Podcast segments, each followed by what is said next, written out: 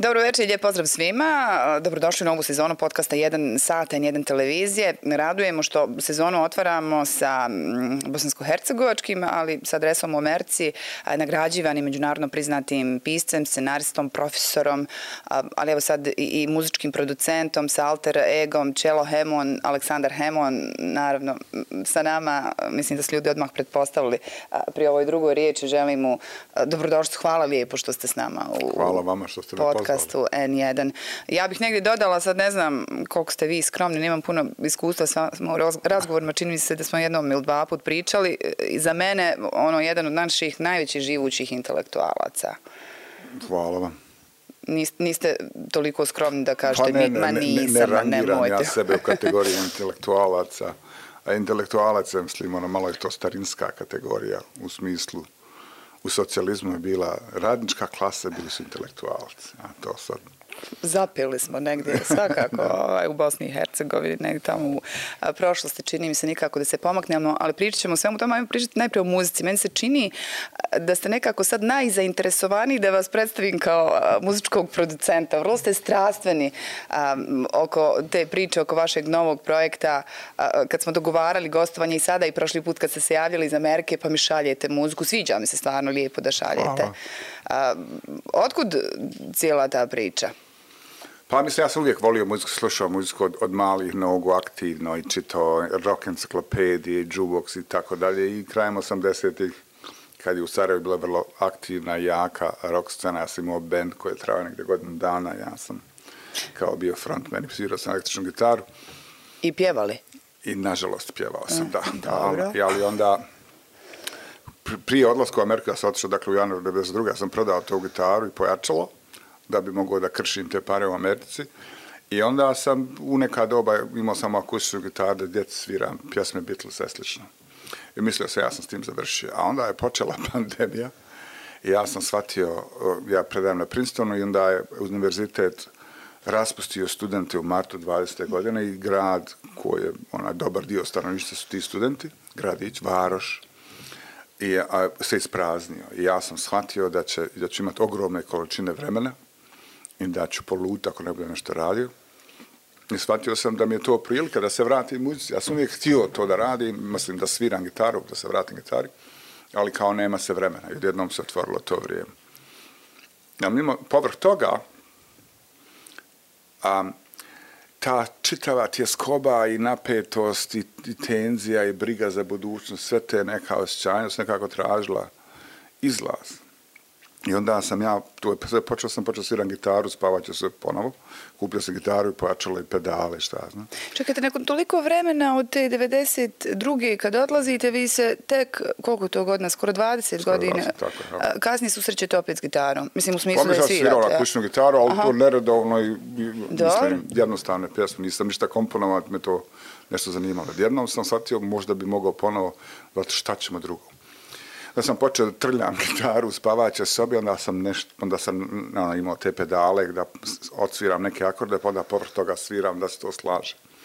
Onda sam odlučio, možda bi ja ovo mogao da snimam nekako, pa sam onda počeo da učim kako to upotrebljavam software koji ono, na svakom Macu ima GarageBand. Ali to onda bilo, onda, me, onda sam to naučio, pa onda ima komplikovani software Logic koji se profesionalno upotrebljava pa sam počeo to da učim. Sve sam mouk kroz neke Pa mislim, pitao se ljude, YouTube, nešto. YouTube Aha. video i onaj prijatelj, neki naš čovjek u, u Washington DC, onaj, sam ga zvao u ponoć da ga pitam šta se uključio. I onda sam to polako učio. Jedan po jedan korak, onda sam počeo da produciram muziku, a to sve dešava na univerzitetu na, koje, na kojem sam ja jedini u zgradi od sedam spratova, jer niko ne dolazi na posao, nema studenta i potpuno je sve pusto. Tako apokalipsa, gledam. A što vi dolazite? Šta vam je? Zbog muzike te? Pa tu radim, to je ona moja kuća. Dobro, mislim, niko ne dolazi na posao, vi dolazite. Pa ne znam, ljudi imaju svoje kuće, svoje, ona, žive negde drugo, a ja sam živim vrlo blizu svoje kancelarije, a kod mene u kući su naravno bila djeca, moja žena, djeca nisu mogli ići u školu, zato što je sve preko Zuma, šta ja znam. Te sam probao godinu i po dana, manje više dok se nisu vratili studenti univerzitet, u toj kancelariji, u toj zgradi sam, praveći muziku, da sam kupio instrumente, pa sam naučio da upotrebljavam onaj, taj software, pa sam onda povezao sa svojim prijateljem s kojim sam bio u tom bendu krajem 80-ih, koji u Kaliforniji, koji je fantastičan gitarista, Goran Marković. Pa sam njega nagovorio da se priključi svemu tome, pa smo onda našli nekoga a, inženjera zvuka ovdje u Sarajevu, u studiju PD, Alan Omerović, koji je nekad svirao i vrlo je bezak sa letu štuke i koji, koji su nekad davno, kojima smo mi svirali tamo, tamo prije rata. I onda je sve, jedan po jedan korak, to počela se širi ta operacija, da se drugi ljudi uključuju. Učio sam sve više i više. E sad je to, i onda sam u jednom trenutku isto tako počeo da produciram muzičke videe, tako što sam nagovarao svoje prijatelje da onaj, pošaljem muziku i pitao sam šta misliš da ti uradiš video. Harun Mehmedinović, Šejla Kamerić, naš a, video umjetnik koji živi u Radio Americi, Zlatko Ćosić. Dakle, sve naši ljudi, naši umjetnici. Da, da. Mm. Mislim, to mi je zanimljivo, nije to samo lojalnost, nego lakše mi je objasniti šta se dešava. Mm.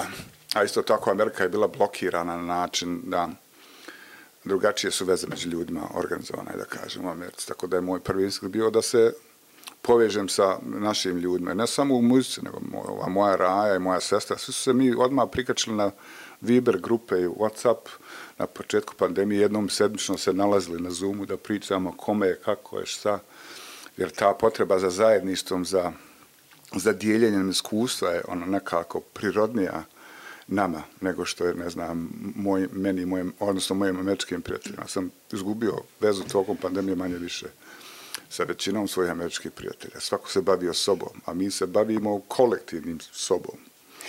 Što ovaj alter ego mislim, sad da ne bude nepristojna izuzev uh, očiglednog če, čelo. Samo ti. Moje nadima kod gimnazije bio čelo.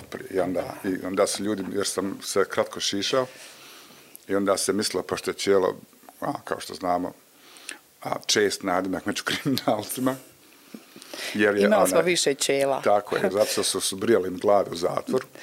I ovaj, tako da su mnogi mislili da se ja nešto kao street kid, nešto kao ja sam onaj opasan, nisam bio nimalo.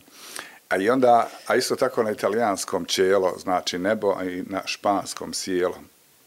I onda sam htio imam alter ego da ne bio Aleksandar Hemon, koja je jedna stvar, Saša Hemon je za ljude i prijatelje a čelo je taj muzički alter ego. Mm. Kako biste uh, objasnili, ne znam pravi termin, muziku uh, evo, koju producirate? Meni je, negdje sam čitala da vam je bilo dosta važno da, da ljudi uz nju plešu i meni je stvarno ona dosta plesna. Zamišljam se negdje, malo čas smo pričali, vi kažete zamišljam da, da, da se to sve dešava u klubu, da se u klubovima pušta, meni je onako za podvedrim nebom, neko super ljeto, neke gore zvijezde i vrlo, vrlo plesna. Jeste to htjeli? Naravno, naravno. Mislim, to je vrlo... To je elektronska muzika, evo, za, za ljudi da. koji ovoga, možda ne znaju. Elektronska muzika nema tekstova, to je ano, čista muzika, da kažemo. I glavni i ključni utjecaj je plesna muzika, klubska muzika koju ja volim i, i koja mi je falila. Jer u toj situaciji pandemije sam u svojoj kancelariji ja sam zamišljao tu, još uvijek zamišljam tu neku budućnost u kojoj, u kojoj ću ja sa svojim prijateljima i, ova, i, i, i kako bi rekao, neznancima, ali koji vjeruju istu i uživaju istu stvar, da se negdje nađem pa ćemo zajedno da plešemo. Postalo mi je, uvijek mi je bilo važno, ali se iskristalisala ta potreba za iskustvom zajedničke radosti, odnosno dijeljene radosti. A to je ono što ples donosi ljudima, kako god, ili filmski festival, to nije jedini način, naravno, ali to mi je falilo. I taj utopijski projekat te moje muzike je zapravo bio zasnovan na to zamišljanju te neke budućnosti, u kojem će neko, uključujući mene, da pleše a, na tu muziku. Ali isto tako je to ovo povezivanje sa ljudima o koje sam počeo da pričam.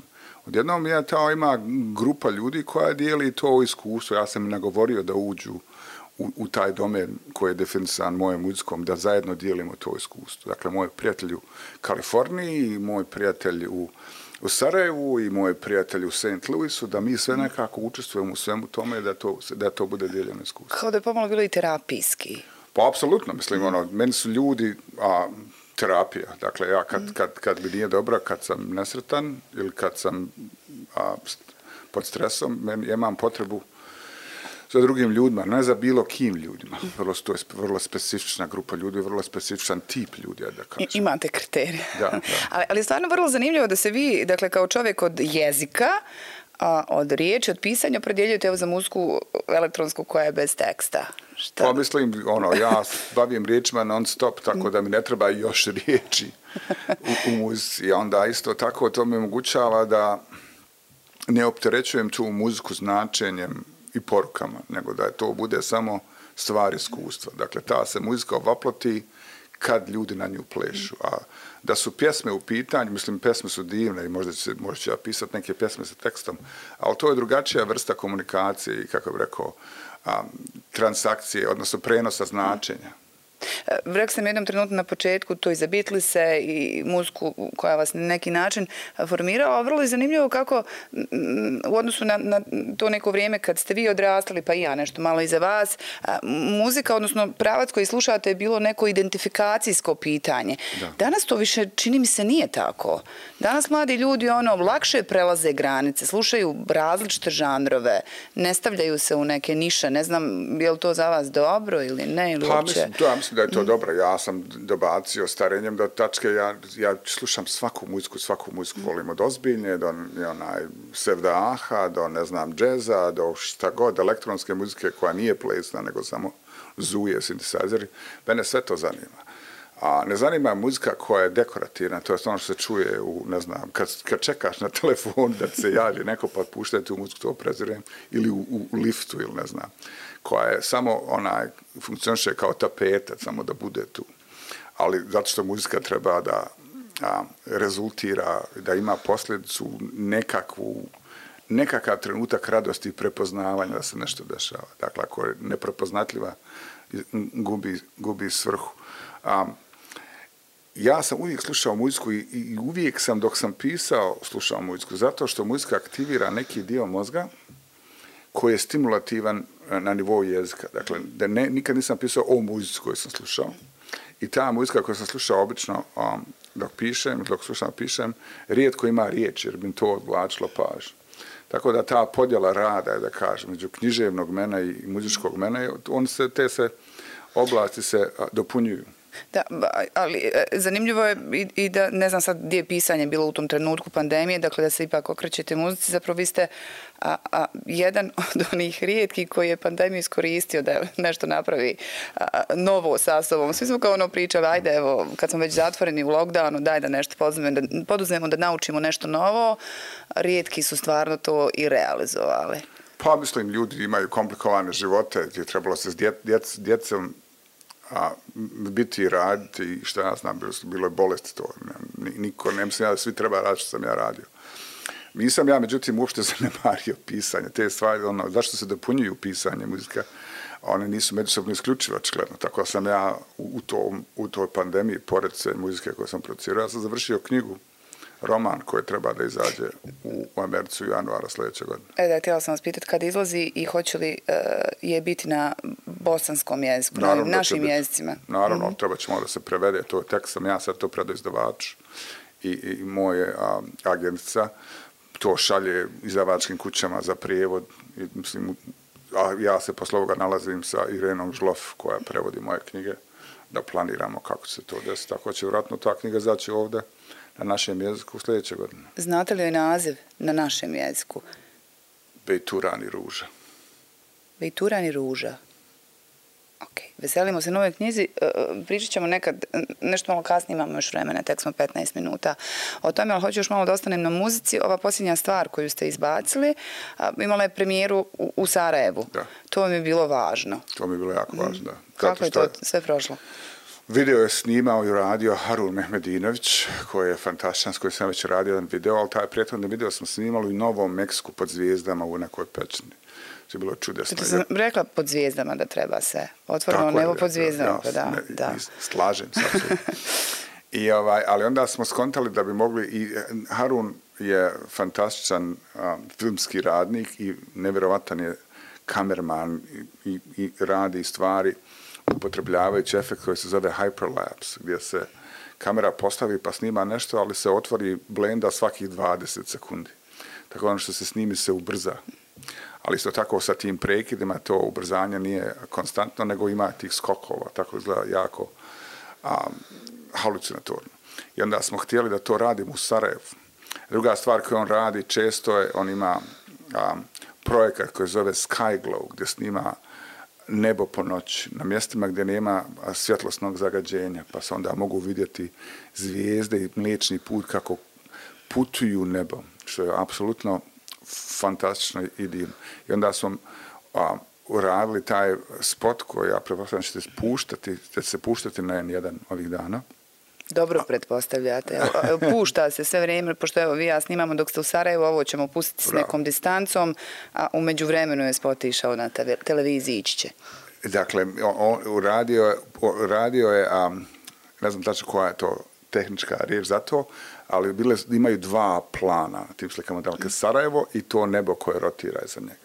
ja, mi smo to snimali u maju kad sam ja bio ovdje i on je proveo ljeto ovdje, nedavno je otišao i onda smo još snimali u zadnjih desetak dana neke kadrove, neke momente da dopunimo to. I to nikad tako Sarajevo nije izgledalo. Mislim, ni na jednom filmu, na, na ekranu. To potpuno nevjerovatno. E, tako da sam ja potpuno usvićen, mislim, očigledno ja volim tu svoje stvari i, i slušao sam je milion puta i napravio sam je i uvijek se malo, mora malo da džuska kad svira, ali taj video je, a, mislim, ja mislim da će se pamtiti dugo vremena, jer je Sarajevo nikad tako nije izgledalo. Šta vam kažu uh, izuzev dakle ove vaše komune, prijatelja s kojima ste sve vrijeme jel, govorili i dijelili tu muziku, evo ljudi do kojih je, koji su nekako malo neovisniji do kojih je muzika došla? Pa mislim, zavisi toga da li me znaju kao književnika ili me ne znaju kao književnika. I iz očiglednih razloga već, oni koji me znaju kao književnika su malo radoznali u pogledu muzike i to je neki ulaz. Međutim, književnost je ozbiljna rabota, čak i ako ja ne izgledam uvijek ozbiljno u šorcu, šta ja znam, ali, ali ima ta doza ozbiljnosti u književnosti, tako da nekako treba da ljudi prebace iz, iz te ozbiljne, relativno govoreći, aktivnosti u muziku koja je, koja je domen radosti, koja nije ono, ne zahtjeva da se sjedi u kući na kauču tri sata u samoći, svjetlo iznad glave, u tišini, da se čita, nego čitav čitava operacija zavisi od pristva drugih ljudi istovremeno u istom prostoru. I, i, i, i, ovaj, i ples je najbolji izraz te radosti. Dakle, taj skok iz samoće književnosti do kolektivizma, da kažemo, muzijski plesne muzike, to, to iznenađe ljudi. Onda ja sam isto čovjek u kasnim srednjim godinama, tako da nije to baš, ne očekuje niko, ne očekuje, uključujući mene, nije očekivao, niko nije očekivao da se odjednom započnem karijeru koja je ono muzičku de facto, iako od tog nema nekog hajra u ovom trenutku, osim zadovoljstva. E, e planirate da ima hajra? Dakle, kojem je vašem, vama domenu? Sad još uvijek je u domenu hobija, pretpostavljam. Pa ja ne razmišljate kao onom nekad i zarađivati od toga? Pa ja bi da, ne da zarađujem, da, da, jer mi treba para, nego da mogu da financiram tu čitavu mm -hmm. operaciju. Dobar dio toga je zapravo, ja sam profesor na Princetona, Princeton je dobrostojići univerzitet i profesor na Princetonu imaju fondove za istraživanje. I ta muzika je moje istraživanje. Mislim, nije jedina stvar, ali od toga ja dijelom to financiram. Ali moja želja je da muzika zarađuje dovoljno novca da ja mogu da, onaj, da, da znam, napravim, izgradim studio, da, da kupim instrumente i tako dalje, što neće a Princeton finansirati, neće mi kupovati konge ili ne znam, korg synthesizera. Šta je sad nekakav bliži plan? Hoćete li izbacivati album ili nešto tako? Imate li ga uopće formiranog. Imam plan. Mm -hmm. Čo, čovjek s planom. I ja sam našla koga ću pitati imao plan. Čovjek u pandemiji sebe organizovao, organizovao si život. Pa to je sve stvar očaja. Da mu novu ne, dimenziju. Ne, ono, ne. Pa dobro, mi, mi smo bili u očaju, pa evo ništa. ovaj, pa ja, o, imaju dva ciklusa stvari koje sam snimio. Taj prvi ciklus, to ja tako zovem za internu upotrebu ciklus. Ja izdam jedan po jedan single svakih šest do osam nedelja. I ovaj Ketamin Shuffle, ovaj zadnji je a zadnji singl u tom smislu. I imam još dva u tom prvom ciklusu do kraja godine. A u međuvremenu sam snimio još desetak stvari i onda smo organizovali sa neke remikse, a gdje neko radi remikse tih stvari. Tako da je plan kad istekne taj prvi ciklus, da taj drugi ciklus, tih deset stvari koje sam već snimio, da to izađe kao album, da vidim kako to može da se uradi, da se to funkcionira, što je bilo vjerojatno negdje na projeće. Pri čemu, ovo ne mogu bećati, um, razmišljam, razmišljam o Goran Marković i ja o načinima da se to izvodi uživo. A, da li je to, da li će biti live streaming, streaming uživo, ili će biti nekih koncertnih situacija, mada on ne voli da napušta Kaliforniju i nema namjer da putuje u Evropu u sljedećih nekoliko decenija. Kako bih rekla, nisam bila u Kaliforniji, ali negdje zamišljam da ni ja ne bih voljela, ne bih voljela napuštati Kaliforniju. Vrijeme tako brzo ide, a hoću da otvorimo još neke teme. Jučer sam onako stvarno ushićeno rekla jednoj mladoj djevojci kako snimamo Aleksandra Hemona, pa je ona pitala kao ko je Aleksandar Hemon, oprostit ćemo. Meni je kao malo bilo, ajde reći ću ti ja. A, ovoga, ali je bilo zapanjujuće što, što je Aleksandar Hemon Sarajlija. Kao ona, curica, pita kao ono Hemon iz Sarajeva. Otkud stvarno i otkad Hemon je u Sarajevu? Pa, mislim, moji roditelji su a, se doseli u Sarajevo 62. godine, a jer je moj otac bio, on, on, moj otac, oboje su rođeni u Bosni, a onda su oboje studirali u Beogradu i moj otac je bio stipendista elektroprenosa. I onda kad je završio fakultet, onda su došli u Sarajevo jer ga je čekao posao elektroprenos. I onda je moja mama našla posao vrlo brzo u, ener, u Energoinvestu. I čita svoj radni vijek je provela u Energoinvestu. A moj otac je onda u neko doba prešao u Energoinvest. Tako da, um, su oni došli zbog tog posla. Zapravo nema puno hajmona u, ovaj, nije nikad bilo u, u Sarajevu. Moji su sa očeve strane, za vašu mladu prijateljicu, su došli iz današnje Ukrajine. Mm, to je ukrajinsko porijeklo, ja. da. Mm -hmm. Početkom prošlog stoljeća, kad je zapadna Ukrajina bila a, provincija Austro-Ugarskog carstva, a Bosna je bila okupirana, onda je bila anektirana, postala je dio toga. Tako da su oni kretali unutar granica carstva i to su bila sirotinja seljaci koji su, a, prema porodičnoj legendi, su došli u Bosnu i su čuli da ovdje ima drva, pa se mogu preživjeti, preživjeti zime. Tako da sa očeve strane, a svi njegova braća, sestre i sva moja rodina su rođeni u Bosni, a su uvijek pričali ukrajinski, to onaj dijalekt iz, iz zapadne Galicije koji je zapravo kao muha u, u onom, u, kako to kaže, a, Čilibaru kao muhoćili bar su zadržali taj dijalekt sa nekim bosanskim riječima uključeni. Sad se taj se dio porodice manje više kompletno preselio u Kanadu, gdje još uvijek pričaju ukrajinski, a moj otac pjeva u ukrajinskom horu sa svoja, sa svoja dva brata. A moja mati sa očeve strane je rođena i odrasla u Bijeljini i čitav, sva moja porodica od majčine strane uvijek bila s ove strane u Bosni. Otac pjeva u horu? Da. Još uvijek? Da, on, on stalno pjeva. Uvijek, super. Nego mi je zanimljivo kad govorite nekako ove naše generacije a, imaju slično isto iskustvo. Radi otac u Energoinvestu, mama u Energoinvestu, svi su naši radili u Energoinvestu i moj, i moj otac nije više sa nama, ali je radio u Energoinvestu. Pa meni to letim, evo i jako muha s teme na temu. Dade šlagvor da vas pitam za, za film o Emerku Blumu koji je radila Jasma Lažbanć, vaša prijateljica, kolegica, saradnica. Jeste uspjeli vidjeti? Ja sam, ona, ja sam vidio one čak i ranije mm. verzije tog filma. I, ona, I onda sam gledao ovdje čim sam došao i, i pričali smo o tome zbog toga što ona zna da su moji roditelji radili na investu i neki od tih sagovornika ja sam ju sugerisao jer ona stalno traži još ljudi da priča s tim. I, i onaj, mislim, Energoinvest Emmerich Bloom, to je, film je zanimljiv iz mnogo razloga, nije, nije nostalgičan u smislu kako je nama dobro bilo, ali ono što se vidi u čitavoj toj operaciji, u čitavom tom projektu Energoinvesta Amerika Bluma je to da, da je Energoinvest digao Sarajevo i Bosnu i Hercegovinu a, na više nivoa, ne samo oni koji su radili za Energoinvest i njihova djeca. Ja, moj, moji roditelji su obe rođeni bili u, u kućama sa zemljanim podom, pa su onda obrazovani u socijalizmu i onda su a, postali srednja klasa. Mislim, u našim uslovima, relativno govoreći, malo viša srednja klasa, ali srednja klasa. Dakle, taj skok civilizacijski i finansijski, pa smo onda mogli imati vikendicu nahodne zbog olimpijade i sličnih stvari. Dakle, srednje, srednja klasa u Sarajevo, Bosni i Hercegovini dobri je, je posljedica manje više Enog Investa. Ne samo Enog Investa, naravno, bilo i Unis i Union Invest, ali te vrste kompanija koje su socijalističke i koje su se trudile da unaprijede čitavo društvo, gdje glavni glavna svrha kompanije nije bio profit ili bogaćenje onih akcionara ili upravnog odbora, nego je bio cilj da se pomogne društvu. Da se to, I to Blum u tom filmu o tome priča. Svaki put kad mu kažu vaša kompanija, on kaže nije to moja kompanija. Dobili smo i stanove od, energo, od Energoinvesta. Da.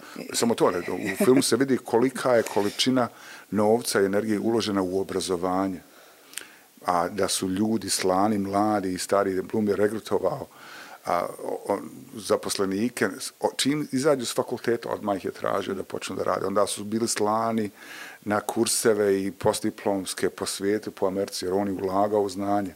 I opet to nije bilo zato da bi se on obogatilo, da bi se oni, da bi se svi koji radi u su obogatili, nego zato da bi društvo se kao plima kad digne čamce sve istovremeno, da bi se svi digli u istom vrijeme. I ono što mi, mi to, mnogi od nas mitologiziraju, vrijeme u Sarajevsko koje se mitologizira najviše, to vrijeme socijalizma između, ne znam, s, s početka 70-ih do, do malo posle olimpijade, gdje je olimpijada bila vrhunac, a ta olimpijada ne bi bila moguća uopšte bez Bluma 11.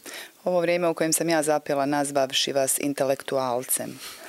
Tako. Ali ne bilo kakvim, nego jednim od naših najvećih živućih intelektualaca. Vi sad predajete kreativno pisanje Princetonu, a kako se uopće postaje književnik? Kako je to izgledalo u vašem životu u ovim našim tad jugoslovenskim uslovima?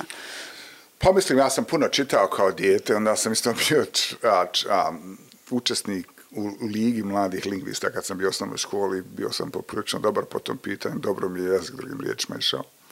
I uvijek sam ono malo pisao i šta ja znam, ali nisam u neke ambicije, zašto je književnost, knjiže, književnost u Jugoslaviji i Bosni su um, kontrolisali intelektualce, članovi udruženja pisaca iz Saveza komunista. I to je, dakle, to je bio posao. To ja, meni kao djetu sa 15, 16 ili 18 godina, to uopšte nije zanimalo. Mislim, nisam htio budem akademik, nego sam htio da pišem tekstove, da, da sviram u bendu. Um, I kad sam završio srednju školu i onda sam išao u vojsku, posle toga sam krenuo na elektroniku godinu dana, jer Energoinvest, ja sam išao matematički raz u srednjoj školi i tako dalje. Da bi onda mi sve to dosadilo i da bi ja a, odlučio da napustim elektroniku i onda kad su mi roditelji rekli pa kako ćeš zarađivati za hljeb, onda sam ja počeo tražiti novinarske poslove, nekakve honorarne naravno, pa sam onda tako radio za mladinski program i pisao za Walter i onda bio jedan od urednika u našim danima pri ratu i tako dalje. I to je sve bilo, to je bilo novinarski posao koji sam ja volio i živo i većina mojih prijatelja danas su a, potekli, mnogi su potekli iz te novinarske situacije, ali čito vrijeme sam imao nekakve književne ambicije i prije rata sam počeo malo da pišem i objavljujem na našem jeziku, ali onda se to prekinuto i onda kad se našao u Americi, trebalo je na tri i kusur godine da se osposobim da pišem na engleskom. To ste baš i, i napisali u danima, čini mi se, u, u tekstu naslova, parafraziran kako sam postao književnik. Koja je to priča bila?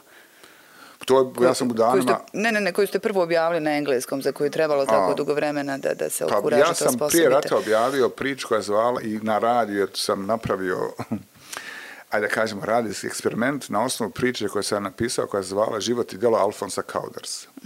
I ta je priča bila jedna jedina, mislim, antologija najbolje jugoslovenske priče, koja je izašla 1991. i u kojoj je ta priča bila izašla. I onda sam ja, dakle, ta je priča bila relativno uspješna, da sam ja uspio to nekako da prevedem u Americi, ali pošto sam pretpostavio da niko ne zna ko su ti likove, Alfons Kauders se susreće sa Titom i Geringom i i Hitlerom i, i špijunom Richardom Zorgijom, šta ja znam, da sam ja dopisao dio na engleskom kao a, fusnote, ali mislim književne, i onda je to objavljeno, da je to bio hibrid prevedenog i, i napisanog na engleskom. To je prva stvar koju sam objavio na engleskom. Prva priča koju sam čitao, napisao na engleskom i objavio je, to je bilo 97. se zove a, Zorgeov špijunski krug, The Zorge Spiring. Kako, dakle, vi ste jel, ta generacija pisaca koja piše uh, više jezično, svjesni ste da, da je to zapravo i određena prednost, ali kako to u, u glavi funkcionira? Je li ono jedan jezik, jedna stvarnost, drugi jezik, druga stvarnost? Je li svaki jezik neki zaseban svijet? Pa jeste donekla, isto tako nije zavisi od pozicije. Mislim, u odnosu na nekoga ko, ko piše samo jedan jezik, bosanski je druga planeta, ali, ali toliko nas ima u dijaspori koji žive, rade u engleskom jeziku, a istovremeno žive, rade na našem jeziku. Ne samo kad se vrate, nego ne znam, sa porodicom, sa, s vlastitom djecom, moja žena je amerikanka, pa ne pričamo kod kuće, do, ne znam, pisanja a, a poruka, do toga da rade nešto na tim jezicima. Dakle, da pišu ili da stvar, ako se Mezdi Mehmedinović je živio 25 godina u Washingtonu i, i pisao je na našem jeziku predaj, imao je prekrasno. I nastavit će, naravno, sad je ovde. A, tako da ta podijeljenost može da postoji u nekim situacijama, ali ono što se dešava redovno meni, kada smo odemo u postu mojim roditeljima sa mojim porodicom, ja sa djecom pričam na engleskom, da se okrene sa roditeljima pričam. A čekaj, djeca našem... govore bosanski? Pa moja starija čerka zna neke osnovne stvari, dobar dan, ovo, on imena... Psovke neke osnovne ne znam stvari. psovke, to, to je rano je za to. To je sljedeća lekcija. Dobro. Onaj, a, a mlađa čerka, on, ne zna puno iz nekih razloga koje ono, ne bi trebalo da pričamo mm. o tome Sve sada. okay, Ja. dobro. A na, i moju mlađu čerku, tokom pandemije smo imali, držali smo časove između ostalog bosanskog, sam objašnjavao gramatiku, a naša gramatika, odnosno slaven, gramatika slavenskih jezika je vrlo teška za nekoga ko je, Piece of cake. ko, koji priča na onaj, koji živi i radi i postoji u engleskom mm. jeziku, zato što imamo padeže i... Onaj, Ma da, prestrašno. I nama je Tako, teško to da, sve savlada, da. da. Da. A, je li vam pisanje, pričala ste mi o tom kako je muzika bila ta terapijska ili terapeutska, je- li vam i ono neka vrsta terapije?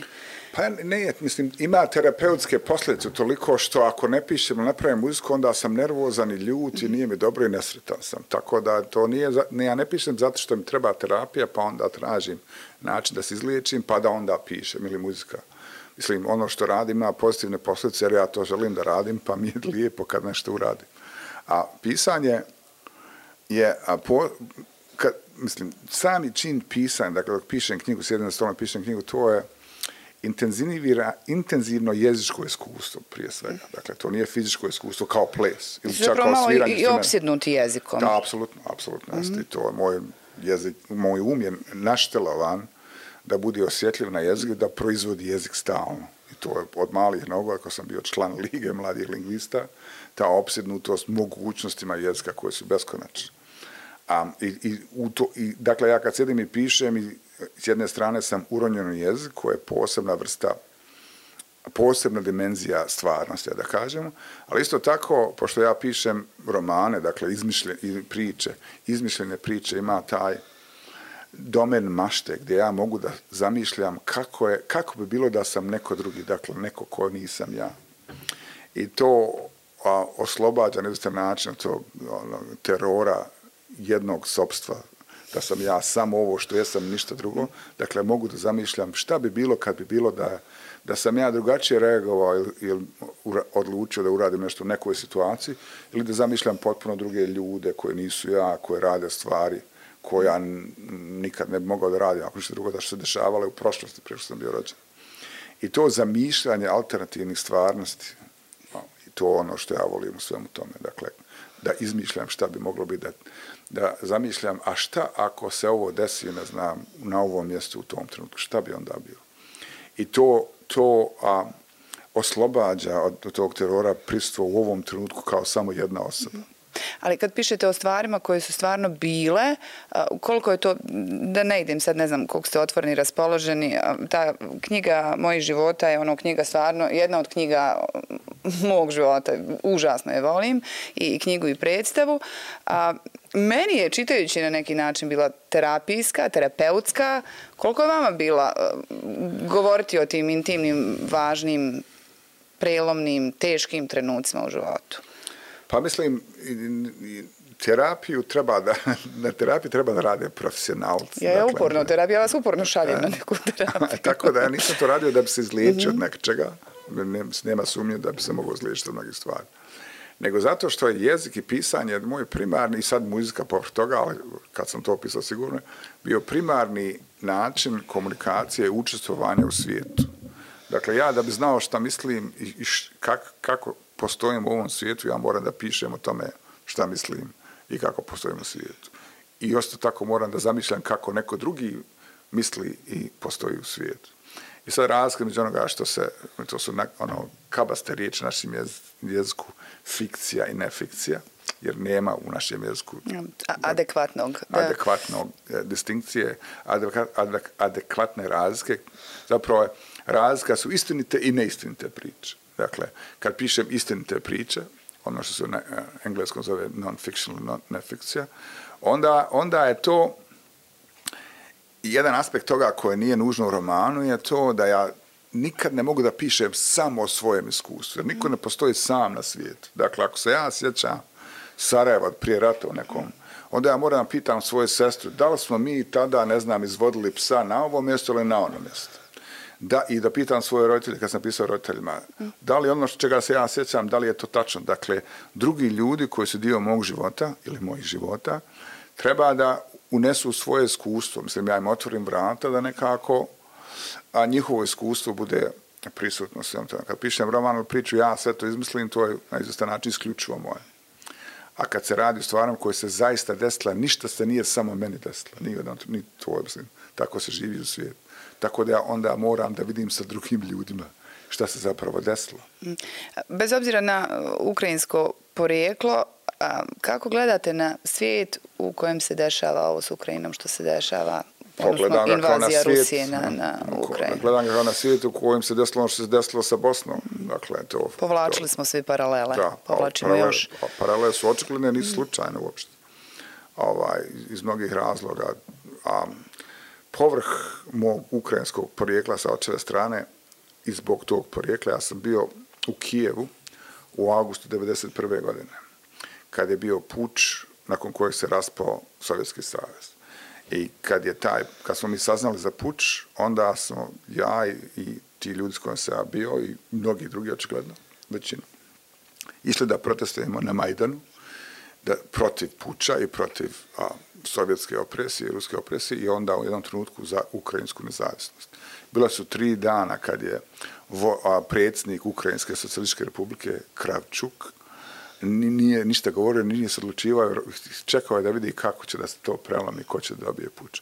A u jednom trenutku kad je taj puč propao, onda je a, ukrajinski parlament održao zasjedanje i proglasio nezavisnost. Ja sam bio sa svima drugima ispred tog parlamenta, pred tim parlamentom, u trenutku kad su proglasili nezavisnost. Dakle, ja sam bio u trenutku kad se rodila moderna, nezavisna demokratska Ukrajina u Kijevu. Tako da je ta veza je meni onaj, ne samo zbog porijekla, nego kako bi rekao, kao neko ko vjeruje u demokratiju mm i vjeruje onaj, u, kako bi rekao, i u moć djelovanja građana da se promijene ishodi. A to mi je jako važno iskustvo. I tome sam pisao na različite načine u pričama i, i u kolumnama i tako dalje. Šta je onda sa, sa građanima Bosne i Hercegovine? Ako jel, vjerujete u, u moć građana da, da promijene ishod, Ovdje se ishod nekako ne mijenja. Ili pa ne, ishod se ovdje stalno mijenja. Zadovoljni ovim ishod. Pa mijenja se. Pa mislim, ako je jedini mogu, ne mijenja se političko uređenje, ali to nije greška građana kao takvi. Mm -hmm. Da su u, u političko uređenje zakucano u Daytonu, koji je ono slijepi put od početka do danas. Ta ludačka košulja. Ja. Da, dakle, i ta, da, bi, da bi se promijenio politički sistem, treba se razmontirati detovski sporazum, mm. ali tu koji su na vlasti bi nekako trebalo da odluče da ga razmontiraju. Te tako sebi daju manje vlasti i manje pristupa dobrima ove zemlje. Tako da se to neće desiti. U tom smislu, glasanje je jako važno, treba se glasa, ali suštinska promjena se može desiti zaista samo izvan tog političkog konteksta to znači, iz toga se svi bojimo, naravno, s obzirom što se desilo, da, to, da će biti, nešto će se morati um, razoriti. Nešto će se morati srušiti da bi se na tome nešto drugo izgradilo. To je situacija u Americi, mislim. Kad kažete nešto će se morati razoriti i nešto će se morati srušiti, tu ne mislite isključivo na, na scenarije nekog oružanog sukoba? Ne, ne, ne mislim na, na scenarije oružanog sukoba, mada oružani sukob nije nemoguć u, u tom, ali ne mislim da će se desiti kao, kao takav. Mislim da treba da bude neki pritisak koji nije parlamentarni, nego da treba nekako da, ko što je bilo u Ukrajini 2014. na Majdan, dakle, da, intervencijom građana i Ukrajinaca je zaustavljeno preuzimanje Ukrajine od strane a Putinovog potrčka, dakle, da posljedica to, i onda je on okupirao Donbass i Krim, naravno, i da se ovo što se sad dešava, to je tad, pot, nije tad počelo, počelo mnogo ranije, ali mislim, ta ovaj slijed događaja. Mm -hmm a slijed događaja je počeo. Tako da mi ne nagovaram ja građane Bosne i Hercegovine da, da se dignu na ustanak dok ja živim u Americi, ali mislim da kontekst a, u kojem je ograničen domet jednog glasa ili, ili čak jedne partije koja je relativno progresivna, nenacionalistička i ograničen, a ludačkom košuljom Dejtonskom. A to nije greška građana, niti je greška, niti je to stvar nedostatka dobre volje nužno građana koji svi hoće bolje da žive.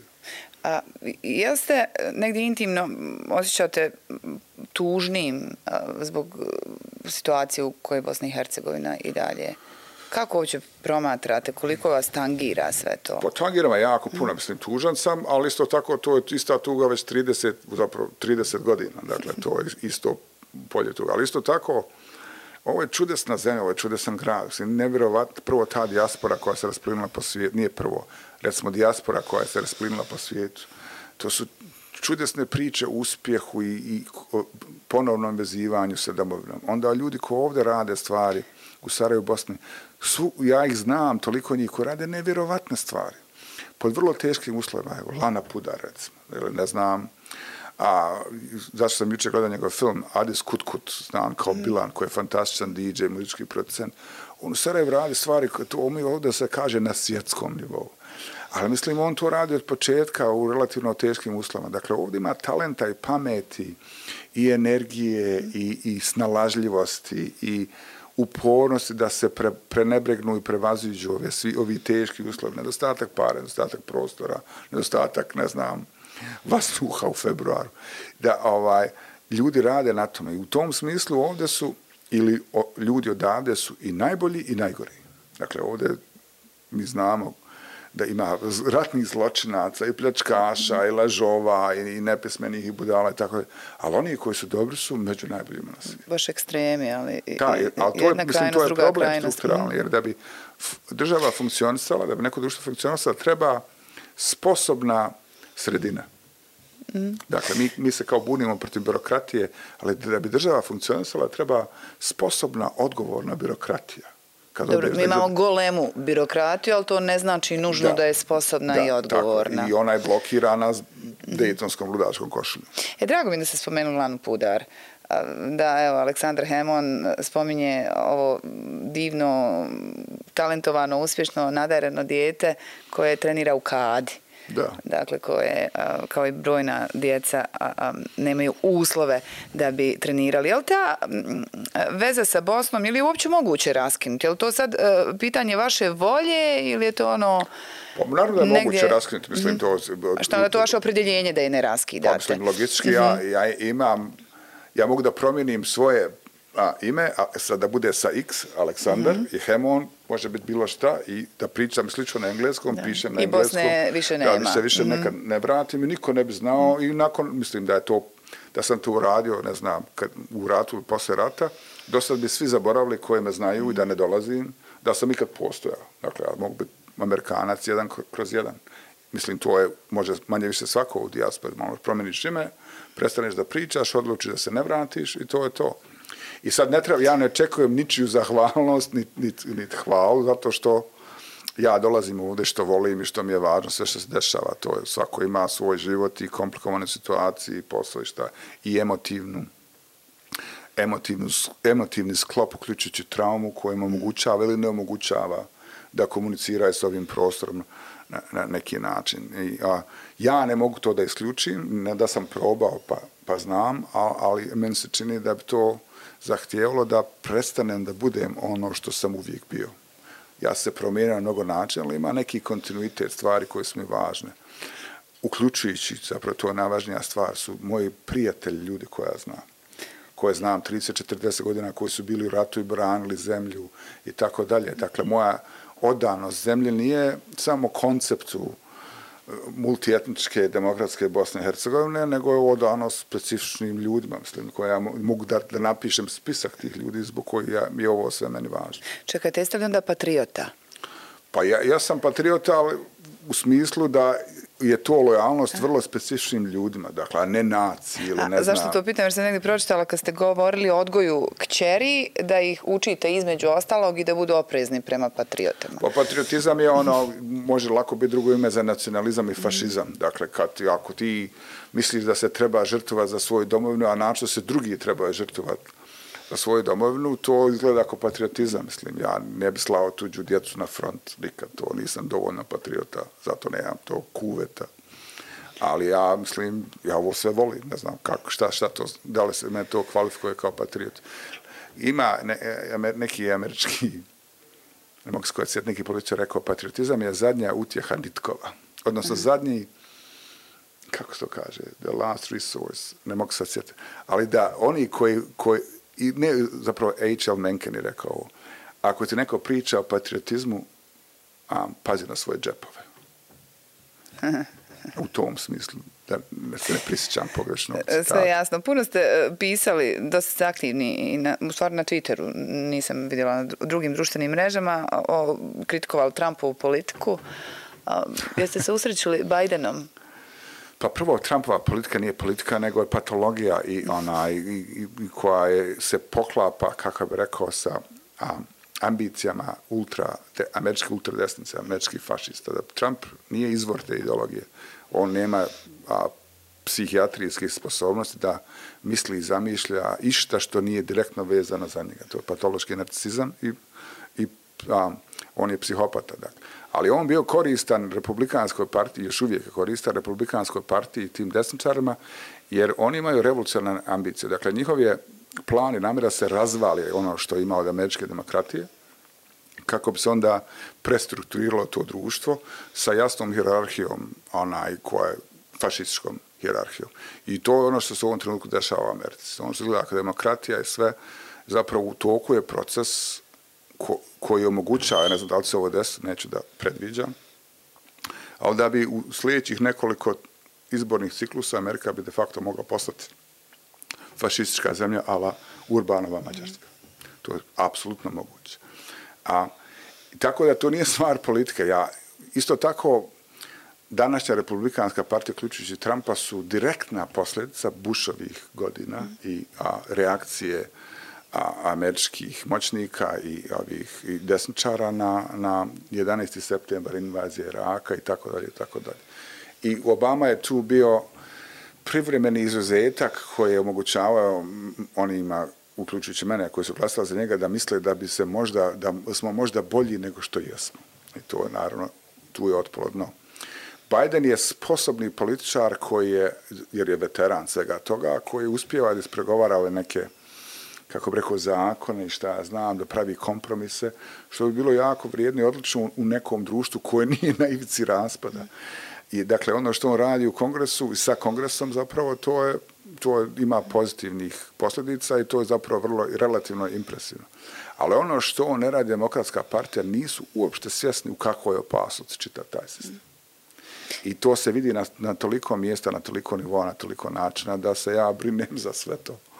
E, ima li još nešto, otvorili smo neke stvari u ovoj zemlji, detektovali ste, diagnosticirali neke probleme, ali kad dođete konkretno u Sarajevo, u grad, iako najčešće dolazite kad, kad je ono festival, kad je slavlje i veselje, što, što vas smeta, što ne znam kako se to formulišem. Ima u posljednje vrijeme bio jedan intervju Kusturce koji opet nešto priča o Sarajevu. Ovoga, je li vama nešto smeta ovdje? Pa mislim, smeta. Smeta mi to što, ne znam, u tramvaju nema air condition, ali nema nikome. A, pošto ja vozim tramvajem po gradu. Ja mislim da nije produktivno da se identifikuju, a, osim zakonski, naravno kad prekriše zakon, da se identifikuju specifični krivci za sve ovo. Ja mislim, ima sistemska krivica i sistemska situacija koja se mora promijeniti. Dakle, a, ljudi se ponašaju u skladu sa, sa kako bih rekao, sa običajima i zakonima društva u jednom trenutku. A ako je društvo stabilno i ako stanovništvo i građani imaju vjeru u, u zajednički projekat tog društva, onda će oni, i ljudi su, ja mislim, što naši ljudi su suštinski pristojni dobri. Ali ako, ako su takve društvene situacije da ohrabruje, nagrađuje lopovluk i laganje i pljačku, i ako ne postoji ideja i osjećaj zajedničkog projekta, onda će to dovesti situaciju u kojoj se svako o svom jadu zabavio i svako se snalazi i neko će, ukrast, neko će uništiti, ne znam, preduzeće koje vrijedi 10 miliona eura da bi ukrao 1000 eura. Zato što ko preživi pričat će. Mislim, ne, ne spašavaj se. Spašavaj se ko mhm. može, jer ovo ide propada i ovaj, treba da se spasimo što prije možemo. A to je infra, infrastrukturalni problem. Treba da postoji na neki način. Zato postoje snagi ljudi koji to mogu da zamisle barem, da, da se definiše taj zajednički projekat. Šta mi hoćemo? Naravno, taj zajednički projekat je jako teško definisati ako u zemlji postoje entiteti i kantoni i 160 ministara i gdje je glavni uposlenik I sve, u zemlji. glasnije se opet priča o apartheidu da, i tako dalje. Da. Pa mislim, apartheid postoji na uh mhm. -huh. određenim mjestima i tako da. dalje, ali to, to zamišljanje budućnosti se aktivno blokira od strane nacionalističkih stranaka. Ne postoji samo prošlost. Ja se sjećam se vozio po Bosni i Hercegovini 2009. bilo prije nekih izbora i bili su a, predizborni slogani, to je bilo Hercegovini pa je bio HDZ, a jedan je bio sačuvajmo postignuto i ne dajmo svoje. Apsolutna praznina. Nikakve budućnosti, ništa.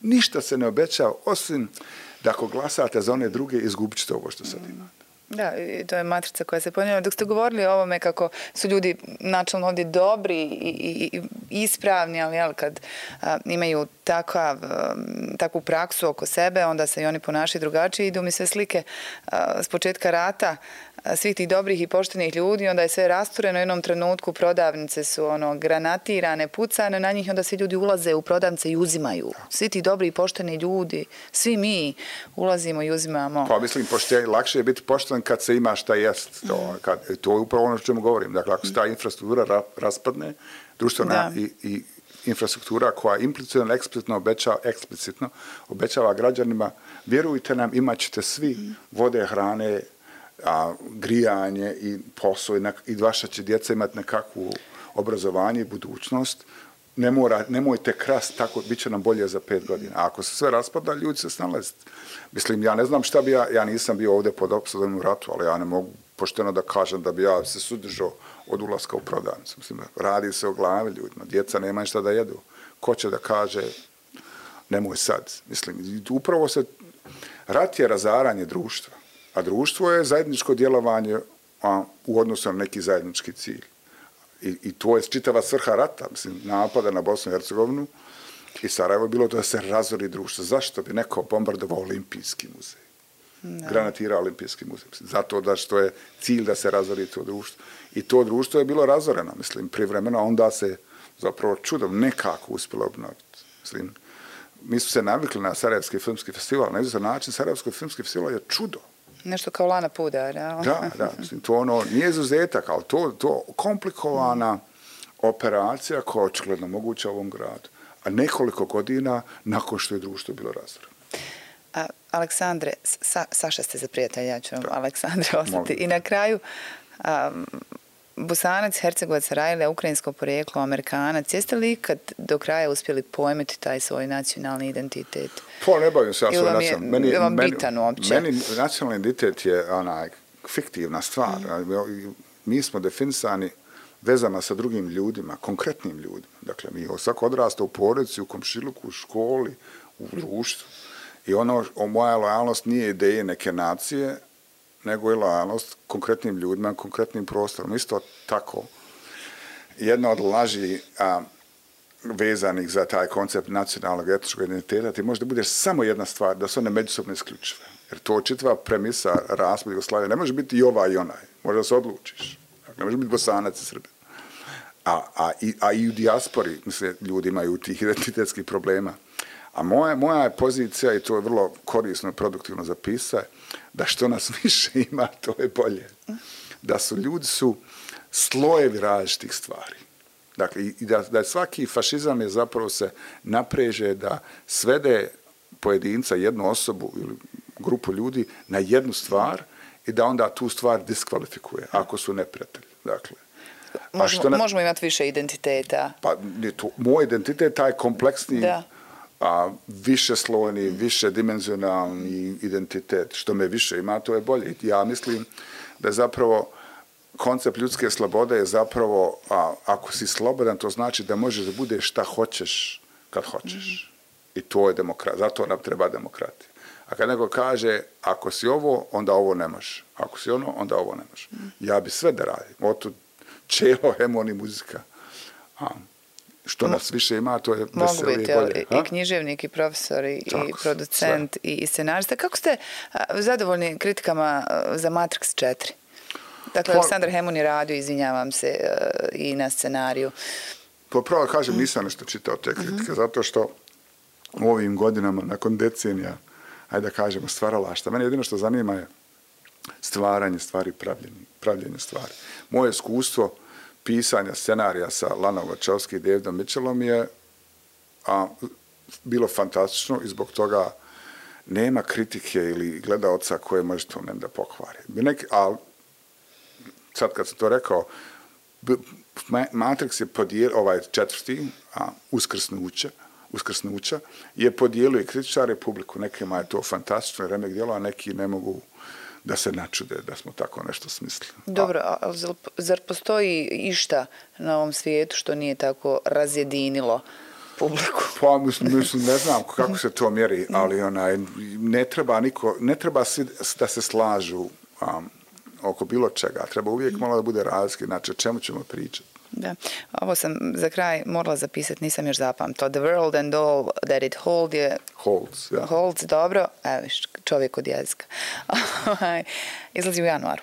Da. O, o, to ste mi rekli. A, šta nam pričate? Pa to je knjiga kako sam radio više od, još uvijek radim, zapravo više od 12 godina. Tu i 12 godina sam napisao četiri druge knjige, ne znam, scenarije i profesor, svašta nešto, dakle nije bio blok, nego sam radio milion stvari. A, I dešava se između Sarajeva 1914. i Šangaja 1949. sa epilogom u Jerusalemu, kasnije 2001. godine. I zapravo je ljubavna priča između dva muškarca a, koji se upoznaju u ratu. Jer je Austro-Ugarska imala bosanske sarajevske jedinice a, u Prvom svjetskom ratu. I onda a, jedan je sarajevski sefar, jevrej, a drugi je bošnjak. I onda ih, i u jednom drugom se ukaže i dijete, čerka, da ne odajem te tajne, ali prati njih um, tim godinama u tom periodu 1914-1949. i 2001. od, od um, Sarajeva do Šangaja i onda u Jerusalem. Veselim se stvarno. veselim se, veselim se i, i novoj muzici. Hvala, bit će Čelo svega. Hemon. Čelo Hemona. Tako je, hvala. Biće, biće svega. Biće svega, samo neke zdravlje. Samo neke zdravlje, da. A, je li to i Americi tako govorite? Ne. Samo neke zdravlje. Govorim samo, ko onima koji znaju. samo neke to zdravlje. znači? I ja vam želim zdravlja, stvarno, ovaj, prije svega. I hvala puno što ste bili s nama u podcastu Jedan sat. Hvala vama. Aleksandar Saša Hemon bio je sa nama. Slušajte muziku Aleksandra Hemona, odnosno Čele Hemona i u programu N1 televizije. Hvala.